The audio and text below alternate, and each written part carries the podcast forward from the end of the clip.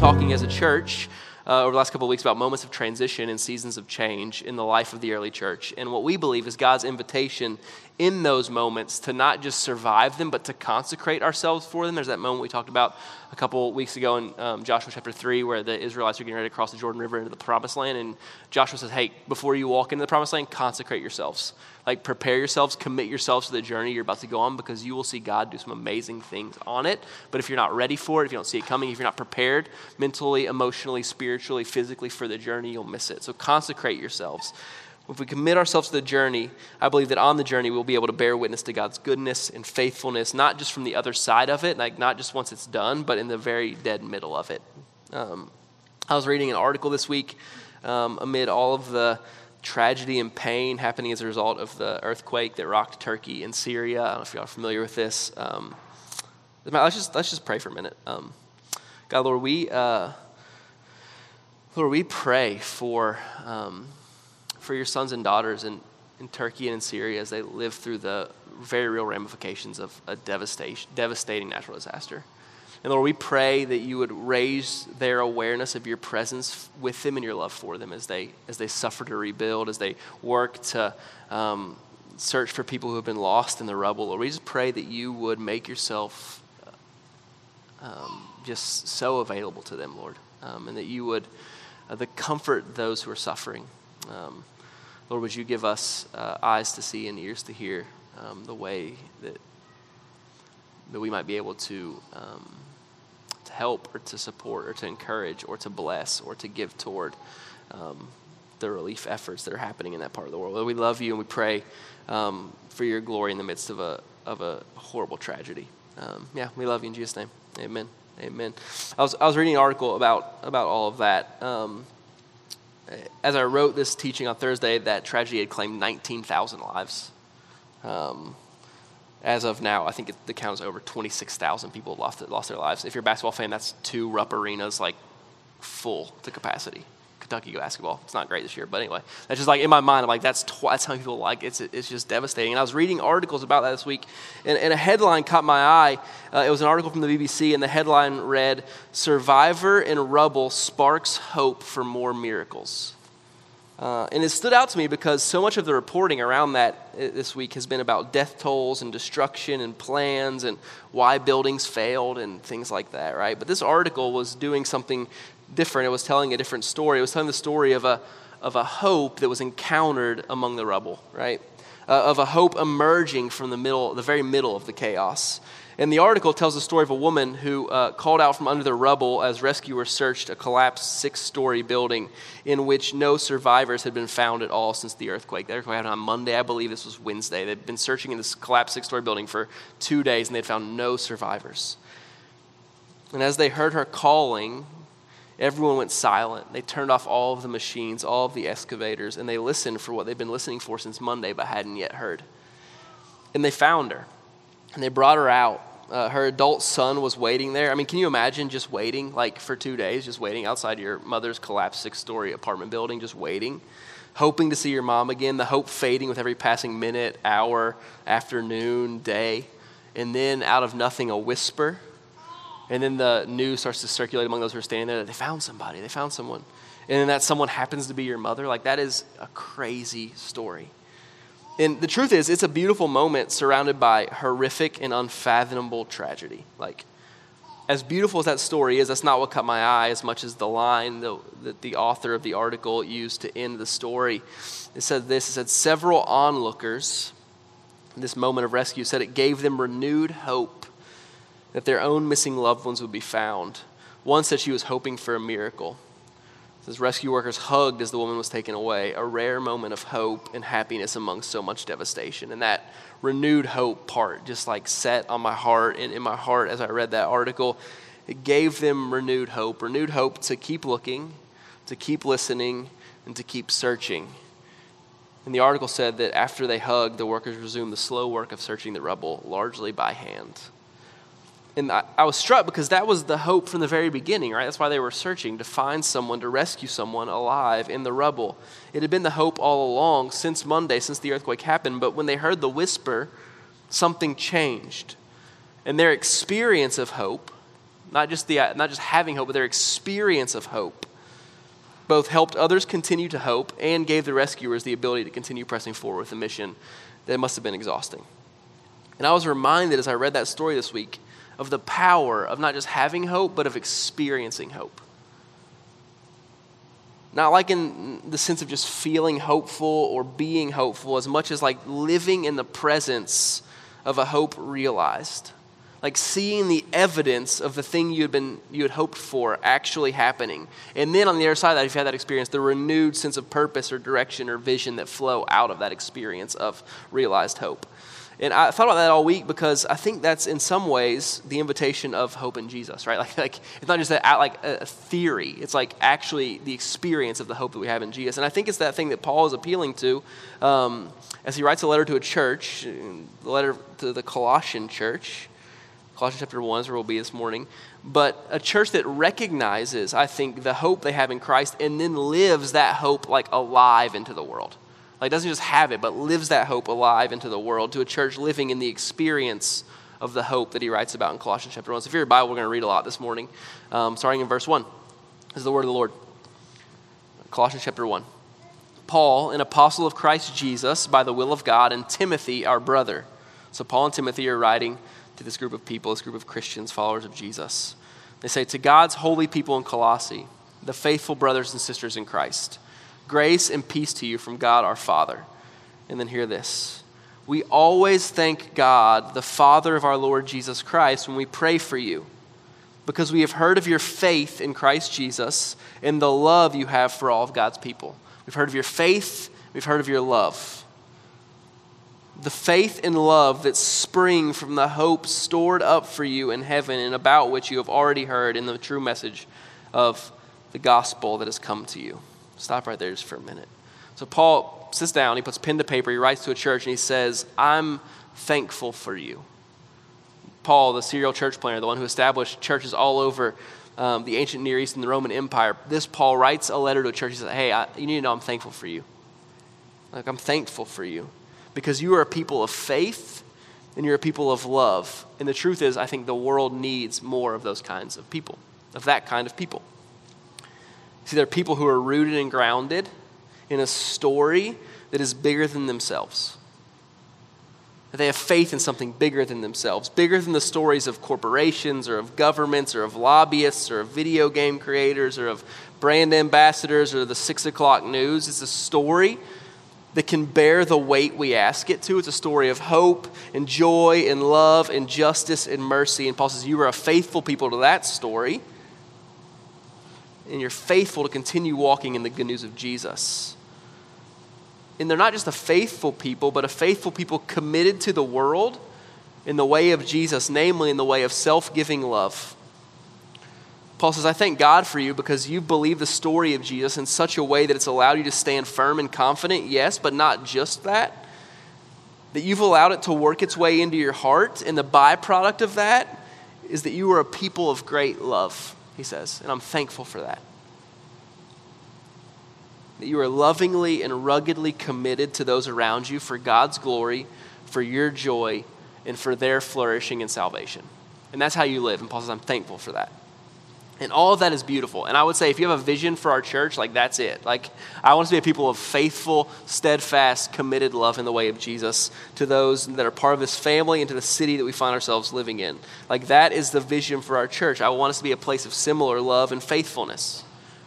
Cars on the table, that's the agenda like our church has for your life to make you a person of faith and love in the way of Jesus.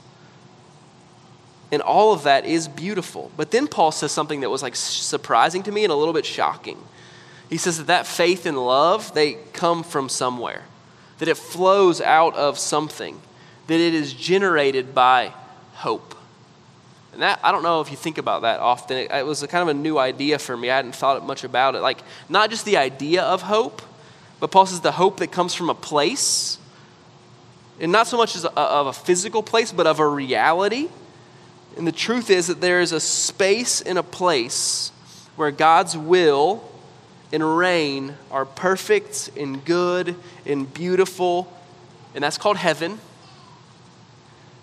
And that God is bringing that reign to bear on the universe. And for them, the truth is their lives have been caught up, are being caught up in the most beautiful move of God.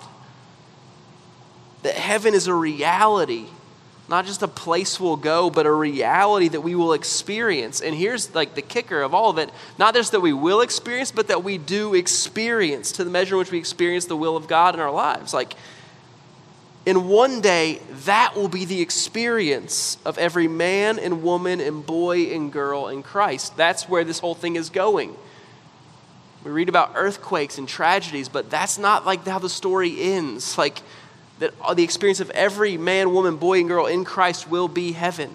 And we are people who experience that now, even if we don't experience it in its fullness. Paul says, Your love and your faithfulness as a church flow out of an experienced and embodied hope that is already yours in Jesus.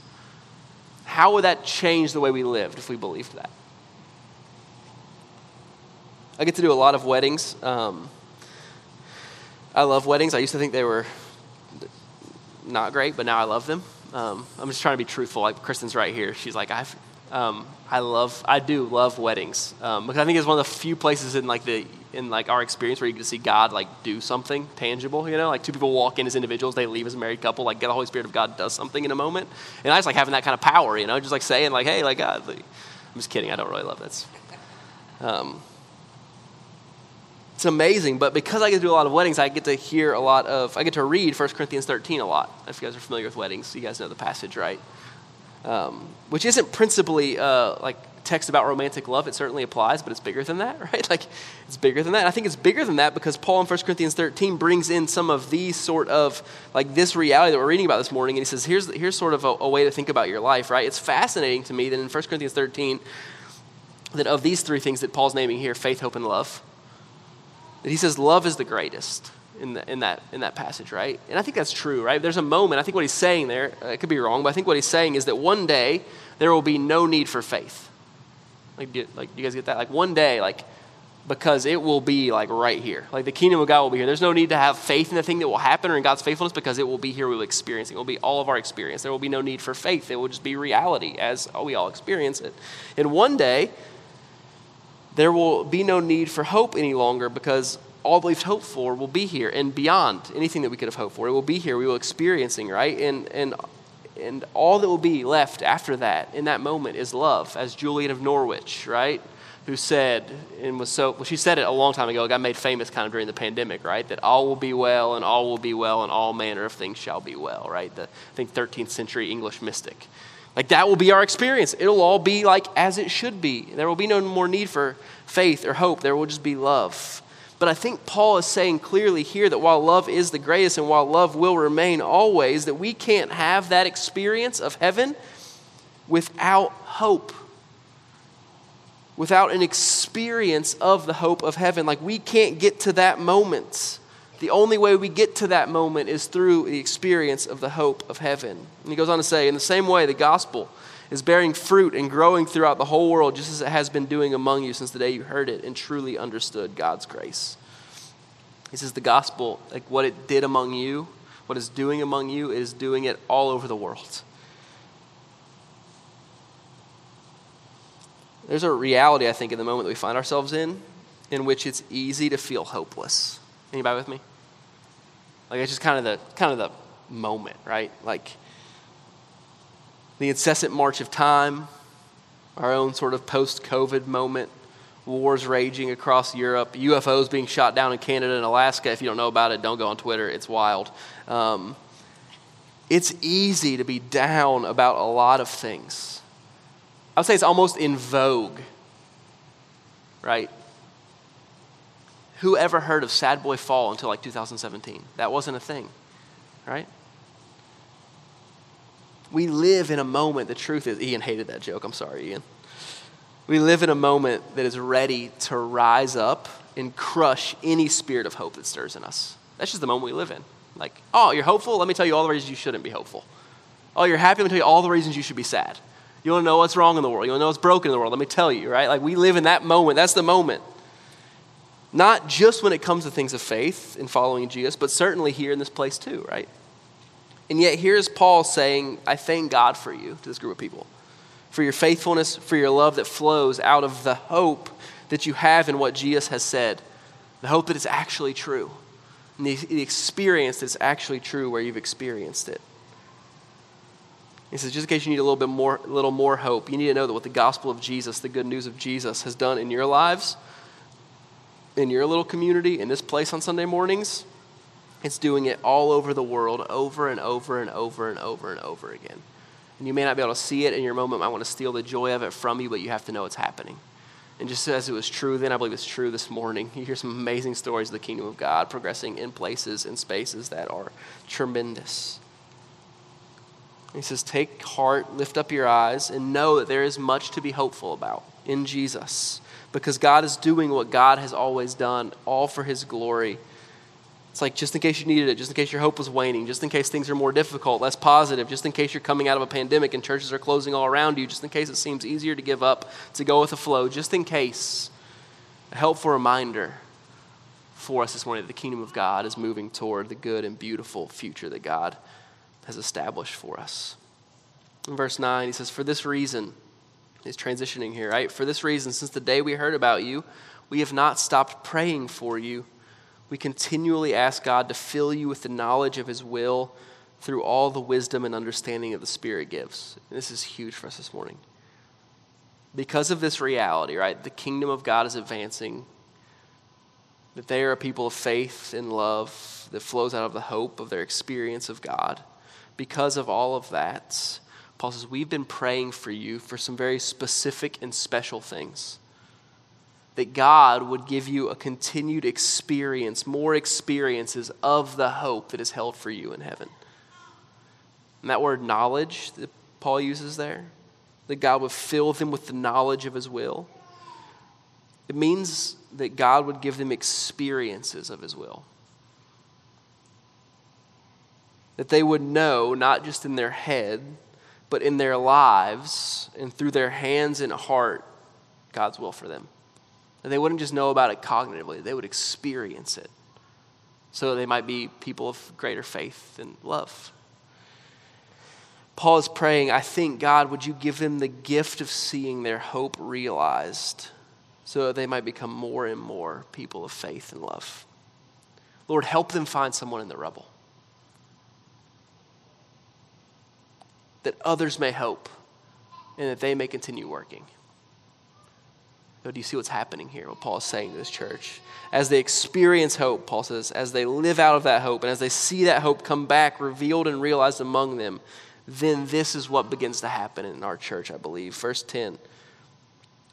So we've been praying for you that that might happen so that you might live a life worthy of the Lord and please Him in every way, bearing fruit in every good work growing in the knowledge, again, here, the experience of God, being strengthened with all power according to his glorious might, so that you might have great, hear this, endurance and patience, in giving joyful thanks to the Father, who has qualified you to share in the inheritance of his holy people in the kingdom of light. Hear this, for he has rescued us from the dominion of darkness. He's brought us into the kingdom of the Son he loves, in whom we have redemption, the forgiveness of sins. And that's a lot. I know we're reading a lot this morning. Like, do you realize what we just read? Like, that is amazing. That is amazing. Now, I just want to ask you this morning take a second. If you came with somebody, feel free to look at them, talk about this. Just out of the text that we read, what good work might God be inviting you to bear fruit in in this season? Paul says, here's the reality. You're people of faith and love, flows out of hope. I'm praying that you experience your hope, the thing that you hope for, that you experience more of God so that you might be more people of faith and of, and of love. Then he says, so that, right, you might bear fruit in every good work. Then the question is, like, what good work might God be inviting you to in this season? Where in your life might be God inviting you to bear fruit? It's worth talking about and thinking about this morning. If you're a note taker, I'd write that down, that question. Think about it this week. Or this, where have you been strengthened? Think about that. Have you think about that often? Like, where have you been strengthened because of your experience of hope? Like, where has God given you strength that you didn't have before because of your experience of who He is? Where have you been strengthened with all power? You, with all power according to His glorious might. Paul says in Ephesians 2 that the very same Spirit that raised Jesus from the dead, the very same power that raised Jesus Christ from the dead is at work in you. Casual, right? Like, I'm like, let's go sing some songs, say some prayers. God, like Paul says, the very same power that got Jesus up on the third day and walked him out of the tomb is the power that's at work in you. Like maybe we experience that. Where has God strengthened you according to his glorious might? So that you might be people of great endurance and patience. It's a work of the Holy Spirit in our life, in my life, and in your life, is to make me a man of greater endurance and patience. And I go, what would it look like if the church of Jesus was known as a people of endurance and patience? Not fragile, not easily moved, able to endure patiently, resilient enough to weather the storm and to bear witness to Jesus. What would it look like if we were a people like that? Or this one, what do you have in your life to give joyful thanks to for God? To God for, sorry. What in your life do you have to give joyful thanks to God for?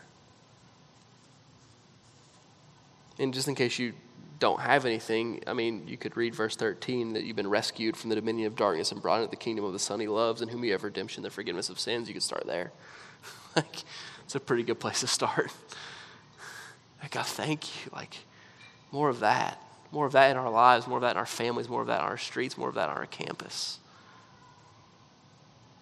I think these are good questions for us as, as individuals, and we want to do that. That's why we just took time to walk through them. I continue to encourage, I'd encourage you to continue asking them.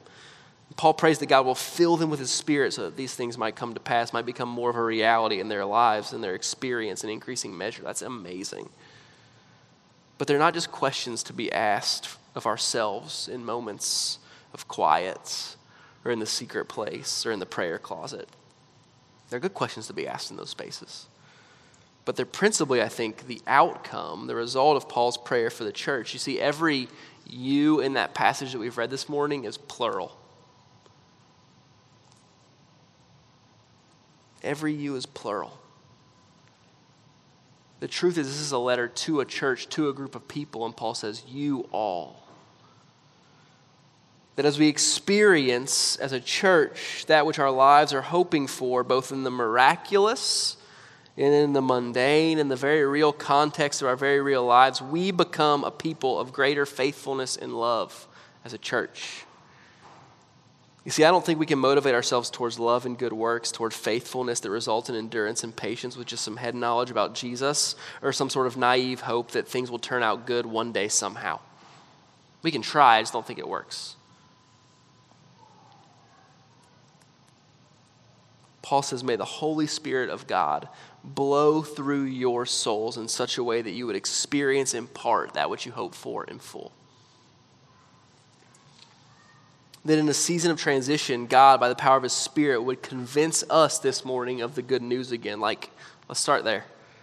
The same good news that has set people free for thousands of years would do in us what it did in the Colossian church as it turned the world upside down. That's what Paul's praying for and reminding them of that we have been rescued this morning, that you have been rescued and brought into a kingdom, that your life has been saved, that my life has been saved, that our life together has been saved and redeemed, pulled out from under the rubble in which it had been buried, and translated to a kingdom of forgiveness and reconciliation, of peace and of power. That's true this morning. May we experience it more together. And that our experience of that hope would propel us as a church family into a season of change ready to be witnesses of what we've seen and experienced. I just want to name it this morning. That as we go to Red Bank, we would go not just as a people passing a few months before we can get to where we're ultimately going, but that we would understand, understand, our, understand ourselves as a people being sent, called to be a people of great faithfulness and love for the place in our city where God is sending us. And yes, it may just be for a time, and it may be in a borrowed space that we share with another church, but may it be filled with purpose and vision and a commitment to discipleship and learning the way of Jesus and following Him faithfully in that place and space and season. I don't want to just wake up two months from now and be at the signal and be like, oh, what happened? Like last two months, it was cool. Like, God, what do you want to do in the meantime? What do you want to remind us of? How do you want to grow your kingdom through us and in us in a new place, in a new space, in a new context? So next week, we're going to celebrate our last Sunday here in this space, and we'll remember the moments of hope realized that we'd experienced here. Like, that's a good, like, faithful practice. We should be a people of remembrance. Like, that's why we take communion every Sunday. There's some things we should remember, right? Like, that shape who we are, and we'll do that next Sunday. I'd love to hear from you even this week. Send me an email, send me a text, catch me after church. Like, when you think about this place, what will you carry with you? What moments of experienced hope from here will you carry with you? There's a million of them for me. I've been thinking about them for the last month. Moments where I hope for something and saw it come to pass here. Some of my kids fall in love with church in this place. Like, I'll never forget it. You can turn it into whatever you want. Jump park, I don't care. They can bulldoze it. I'll never forget it. Watch Ezra come alive, worship Jesus for the first time in his life, sitting right here in this chair. Never forget it. Never forget it. What are the moments of experienced embodied hope that you've experienced that you'll carry with you into the next place? But before we do that, I just want to put this vision of who it is we follow into the next season and every season of our life together before you. Because Paul does it, and I think we should probably just follow that example. Made it in the Bible, so we should just track with him, right? If we misplace our hope, we'll miss it. We'll never become people of greater love and faithfulness if we misplace, misplace our hope. So um, I, was thinking, I want to encourage you, stay with me. I'm going to read Colossians 1, verse 15. Just stay with me, just hear this. If you have your Bibles, you can follow along, but um, I'd encourage you, get in a place where you can hear this. This is the word of the Lord just straight from the pen of Paul about the one we follow. Starting in verse 15. This is who we follow, this is who we hope in. The Son is the image of the invisible God, the firstborn over all creation. For in him all things were created, things in heaven and on earth, visible and invisible, whether thrones or powers or rulers or authorities, all things have been created through him and for him. He is before all things, and in him all things hold together. And he is the head of the body, the church. He is the beginning and the firstborn from among the dead, so that in everything he might have the supremacy. For God was pleased to have all his fullness dwell in him, and through him to reconcile to himself all things, whether things on earth or things in heaven, by making peace through his blood shed on the cross. Once you were alienated from God and were enemies in your minds because of your evil behavior, but now he has reconciled you by Christ's physical body through death to present you holy in his sight, without blemish and free from accusation. If you continue in your faith, established and firm, and do not move from the hope held out in the gospel. This is the gospel that you have heard and that has been proclaimed to which every creature under heaven, to every creature under heaven, and of which I, Paul, have become a servant. It's the word of the Lord this morning. You have a seat did you hear that? Like, that's who we follow. Like, that's who's leading us. That's who's the head of this church. Like, Him, Jesus. The day we got married, uh, I thought you were going to be in kids, so sorry about this. Um, Kristen gave me a ring uh, because what you do when you get married. Um, and because she's a better theologian than I am, she had it inscribed on the inside with these words. Um, it says, inside my ring, it says, In him all things hold together um, because she's a really good theologian. And um, she hoped something on that day. On the day she gave it to me, she, I think it was a hope, right? She knew it to be true, but it was a hope that it would be true of our marriage. And it's something that I've experienced since over and over and over again. And that is just this that Jesus holds us together.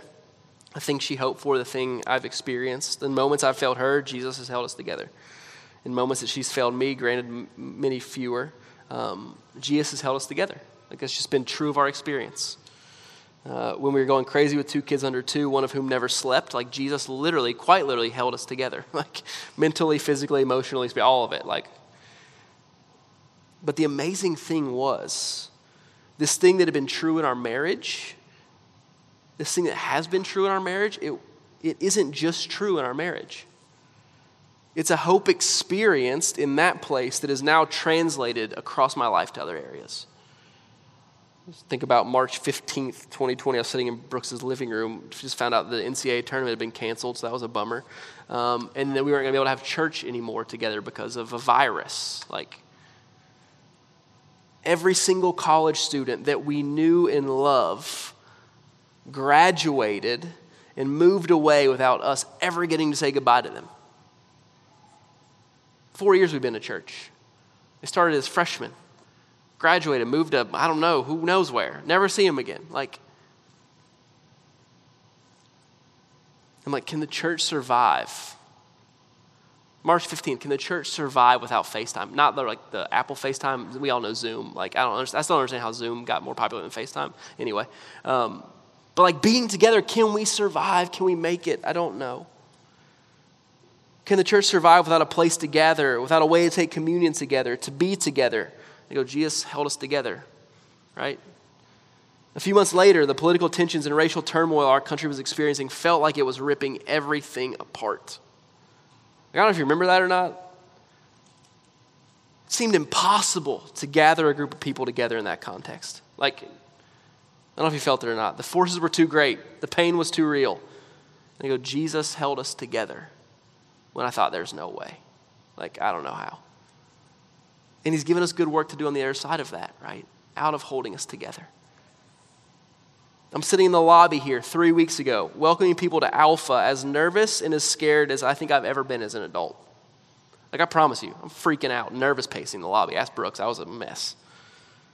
Like, Lord, I believe this honors you and that you love us and that you love the people that are going to walk through that door tonight more than I can ever understand or imagine. But, like, are you sure? Like, are you sure? Open dialogue about religion and faith and the church and Jesus, like in this moment, in this economy? Like, have you been on Twitter? It's tough out there. Like, you're sure, Jesus, this is what you want us to do. And Jesus held us together, and he showed up in some amazing ways over the last three weeks. Now, now let me say this here at the end. Like, ideas like that one, right? Like that Jesus holds it all together. Somehow they get misrepresented into this sort of like Pollyanna, don't sweat it, Jesus has it, just let go and let God, right? Like, it's terrible theology, by the way. The idea of Jesus holding things together, holding this together, is and is like in and of itself a hope realized. It implies that Jesus is acting to keep coherent things that want to break apart. You don't have to hold things together that aren't falling apart. Places where hope had died has died, it's like Jesus is the answer. Like, that's it. Like where you've been looking in the rubble for any hint of good news since Monday, a whisper, like that's like, and it may not be like how you wanted it to be. And it may be harder than you ever thought it would be. And it may be more real and more gritty and sadder, even. Like, I got the ring and I was like, that's awesome. Jesus is going to hold us together. It's a lot different, like, when the, the rubber meets the road, right? Like, but it's all an experience of hope. It's an, an experience saying, Jesus, when I can't hold it together, will you hold it together? I'm at the end of me. I'm at the end of the rope. The marriage is almost over. The waiting room is a lonely place to be. The results aren't what we thought they would be. Like, my kids aren't listening. My roommates are jerks. Like, like Jesus, will you hold this thing together because I can't? So, mornings like this one, right? I look at my wedding ring just staring the next set of questions in the face, whatever they are, big, little, whatever they are. And I go, I think Jesus is going to hold this thing together. Like, and not just hold it together. Like, what are the blessings and the hope and love and faithfulness that He will bring out of it as we walk through it together for His glory and our joy and the redemption of His lost sons and daughters? Like, what will we experience on the other side of the moment of transition, the moment of change, the moment of uncertainty because Jesus held it together? And in faithful love, He walked with us through it. I don't know. I don't know the answers, but I'm excited to see. Let's pray together. Lord, we love you. Jesus, I thank you for this morning, this place, and the space, and these people. I thank you for this physical space that's housed our church family for the last three and a half years. Thank you for this gift that it's been. Thank you for the way that we've experienced hope in this place, that we've seen hope bloom from like out of impossible situations. And Jesus, our prayer this morning is that you would make us a people of greater faith and love, but not out of our own effort. We pray that you would help us to experience the things that we hope for, namely the things that are congruent with your kingdom and your reign on the earth.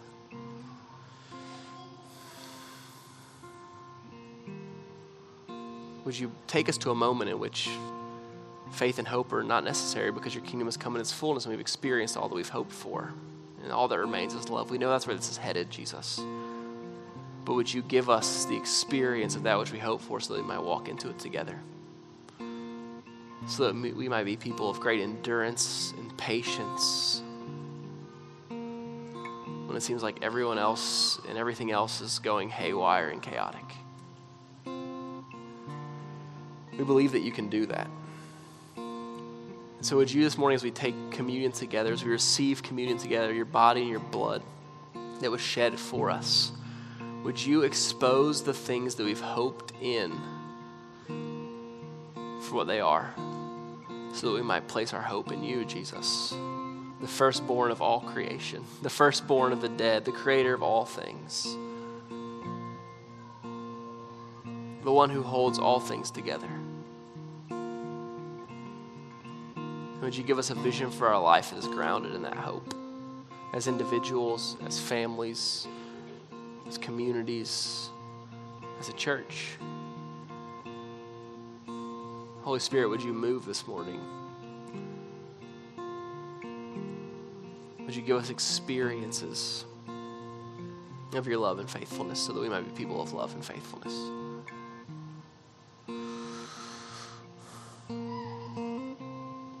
Love you, Jesus. We thank you for your body that was broken and for your blood that was shed for the hope that we've experienced as we sit around your table, as we're welcomed. Would you get our hearts, Lord, would you allow our hearts to ground themselves in your promise that we've experienced the death like yours and we'll experience a resurrection like yours on the other side of it? Would you resurrect some things in us this morning? Would you put to death the things in us that need to be put to death so that you might raise some new things to life for your glory and our joy? We love you. In Jesus, we pray. Amen. Amen.